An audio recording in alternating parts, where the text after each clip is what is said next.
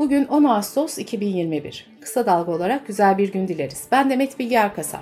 Gündemin önemli başlıklarından derleyerek hazırladığımız Kısa Dalga Bülten başlıyor.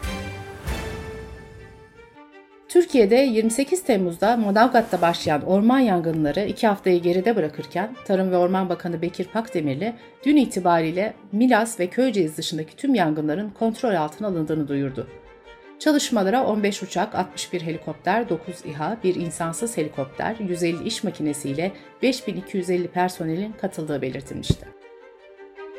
Dışişleri Bakanı Mevlüt Çavuşoğlu'nun verdiği bilgilere göre Antalya'da yangından etkilenen mahalle sayısı 59, bina sayısı ise 3231 oldu.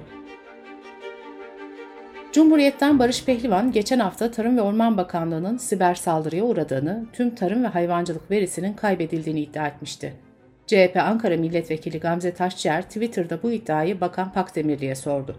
Taşçıer, bakanlığın bilişim açığı nedeniyle tüm verilerin çalındığı iddialarına hala yanıt yok.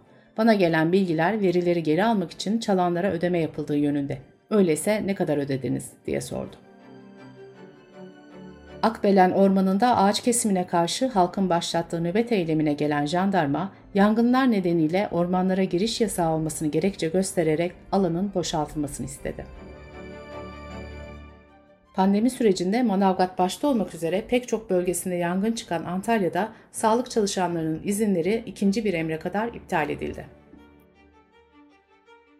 Metropol Araştırma Şirketi Cumhurbaşkanı Erdoğan'ın görev onayı ile ilgili anket yaptı.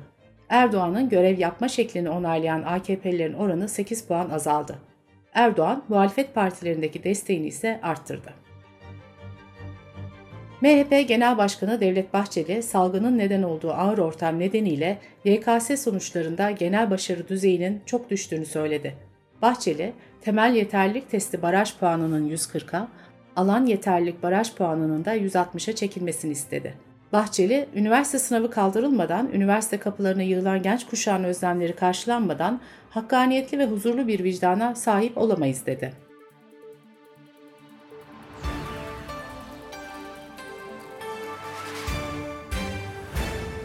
Sedat Peker'in Twitter'da yeniden gündeme getirdiği Zindaşti-Burhan Kuzu ilişkisiyle ilgili Kuzu'nun eski danışmanı Sinan Çiftçi'den de iddialar geldi. Çiftçi, Burhan Kuzu ciddi paralara iş takibi yapardı derken, Zindaşti'den de 100 milyon dolar aldığını iddia etti. Çiftçi ayrıca bu olaylar daha büyümesin diye Zindaşti dosyasını kapatmak için hastanede Kuzu'nun fişini çektiler diye düşünüyorum, dedi. Ankara'da 21 yaşındaki Eda Nur Kaplan cinsel saldırıya uğradığını belirterek suç duyurusunda bulundu. Gözaltına alınan şüphelinin serbest bırakılmasından sonra Kaplan annesine bir mektup yazarak intihar etti. Sosyal medyada Eda Nur için adalet çağrısı yapıldı. Aile ve Sosyal Hizmetler Bakanlığı da soruşturmanın yakından takip edildiğini, dava açılması halinde müdahil olacaklarını açıkladı. Tokyo 2020 Türkiye'nin en fazla madalya sayısına ulaştığı olimpiyat oyunları oldu. Türkiye olimpiyatları 13 madalya ile tamamladı. Madalyaların 5'i kadın sporculardan geldi. Bültenimize COVID-19 haberleriyle devam ediyoruz. Erzurum Şehir Hastanesi'nde Nisan-Ağustos aylarında yapılan çalışma ile ilgili bilgi veren İl Sağlık Müdürü Gürsel Bedir şunları söyledi. Yoğun bakımda yatan 589 hasta üzerinde yaptığımız incelemede şunu gördük. 460'ı hiç aşı olmamış. Yüze yakını da sadece birinci doz aşı olmuş. Hastanede iki doz Biontech aşısı yaptıran bir tane bile yoğun bakım hastası yok.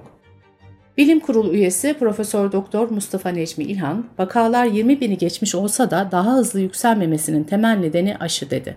İlhan, böylesine bir ortamda aşı karşıtlarının sunduğu materyallerin bilim dışı olduğuna vurgu yaptı. Diyarbakır'da cami bahçesinde kurulan bir taziyeye katılan aynı aileden 30 kişi koronavirüse yakalandı. 15 kişi yoğun bakım servisine kaldırıldı. Delta varyantı vakalarındaki artışı önleyemeyen Çin'de 30 yerel yetkili görevden alındı. Fransa'da bir aydır süren protestolara rağmen aşı sertifikası, restoran, kafe, alışveriş merkezi, uzun tren yolculukları gibi alanları da kapsayacak şekilde genişletildi. Aşı olmayanlar ücretli bir şekilde yapılan PCR testi sonucunu göstermek zorunda kalacak. Sırada ekonomi haberleri var. İşkur'un açıkladığı Ocak-Haziran 2021 dönemi aylık istatistik bültenine göre işten çıkarmanın yasak olduğu Ocak-Haziran 2021 arasında 564 bin kişi işsizlik ödeneği için başvurdu. 162 bin kişinin işsizlik ödeneği başvurusu kabul edildi. Türkiye Ziraat Odaları Birliği Genel Başkanı Şemsi Bayraktar, orman yangınlarından zarar gören çiftçilerin yaralarını sarmak ve yanan alanları ağaçlandırmak için yardım kampanyası başlattıklarını duyurdu. Banka ATM'lerinden gerçekleştirilen 1000 liranın altındaki EFT işlemlerinde 2 lira olan ücret 4 liraya çıkarıldı. Transfer işlemi tutarının 1000 lira ile 50 bin lira arasında olması durumunda ATM'lerden yapılan EFT işlem ücreti ise 5 liradan 8 liraya yükseltildi. BioNTech bu yıl için COVID-19 aşısı gelir tahminini 15.9 milyar euroya yükseltti. CHP Ankara Milletvekili Bülent Kuşoğlu, TMSF tarafından yapılan ihalede Sürat Kargo'nun 335 milyon 500 bin liraya satılarak kamunun zararı uğratıldığını öne sürdü. Kuşoğlu, şirketin değeri 1 milyar 700 milyonun üzerinde yani 1.3 milyar liralık bir kamu zararı söz konusu diye konuştu. Dış politika ve dünyadan gelişmelerle devam ediyoruz. ABD orman yangınları için Türkiye'ye helikopter desteği vereceğini duyurdu. Yapılan açıklamada Amerika Birleşik Devletleri orman yangınlarının oluşturduğu tahribatı çok iyi anlamaktadır.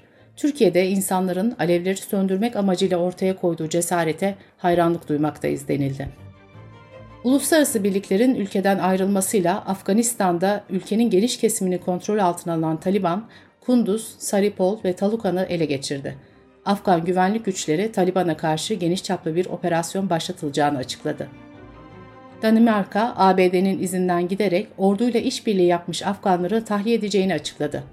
Danimarka'nın komşusu İsveç'ten ise 15 civarında Afgan çevirmeni kaderlerine terk etme beyanı geldi. İsveç radyosuna konuşan bir Afgan çevirmen, İsveç ordusuna hizmet ettik, askerlerle cephede birlikte çalıştık, ödülü de işte bu oldu dedi. Birleşmiş Milletler'e bağlı Hükümetler Arası İklim Değişikliği Paneli'nin raporuna göre küresel ısınma 2030'a kadar 1,5 derece artacak. Rapora göre tropik fırtınalar, yağmur ve kar yağışı da artacak. 1.7 kat daha fazla kuraklık yaşanacak. Yangınlar daha yoğun ve uzun sürecek. Belçika'da spor yorumcusu Edi Demarez'in kadın basketbol milli takım oyuncuları hakkında homofobik ve cinsiyetçi yorumlarda bulunması tartışma yarattı. BRT kanalı Demariz'in ekrana çıkmasını yasakladı. Belçika Basketbol Federasyonu da yorumcu hakkında suç duyurusunda bulunabilir. Bültenimizi kısa dalgadan bir öneriyle bitiriyoruz. Deprem, sel, salgın, yangın derken adeta bir felaket çağı yaşıyoruz. Yeşim Özdemir, psikiyatrist Doktor Agah Aydın'la felaketler çağında akıl ve ruh sağlığımızı nasıl koruyacağımızı konuştu. Kısa Dalga.net adresimizden ve podcast platformlarından dinleyebilirsiniz. Gözünüz kulağınız bizde olsun. Kısa Dalga Medya.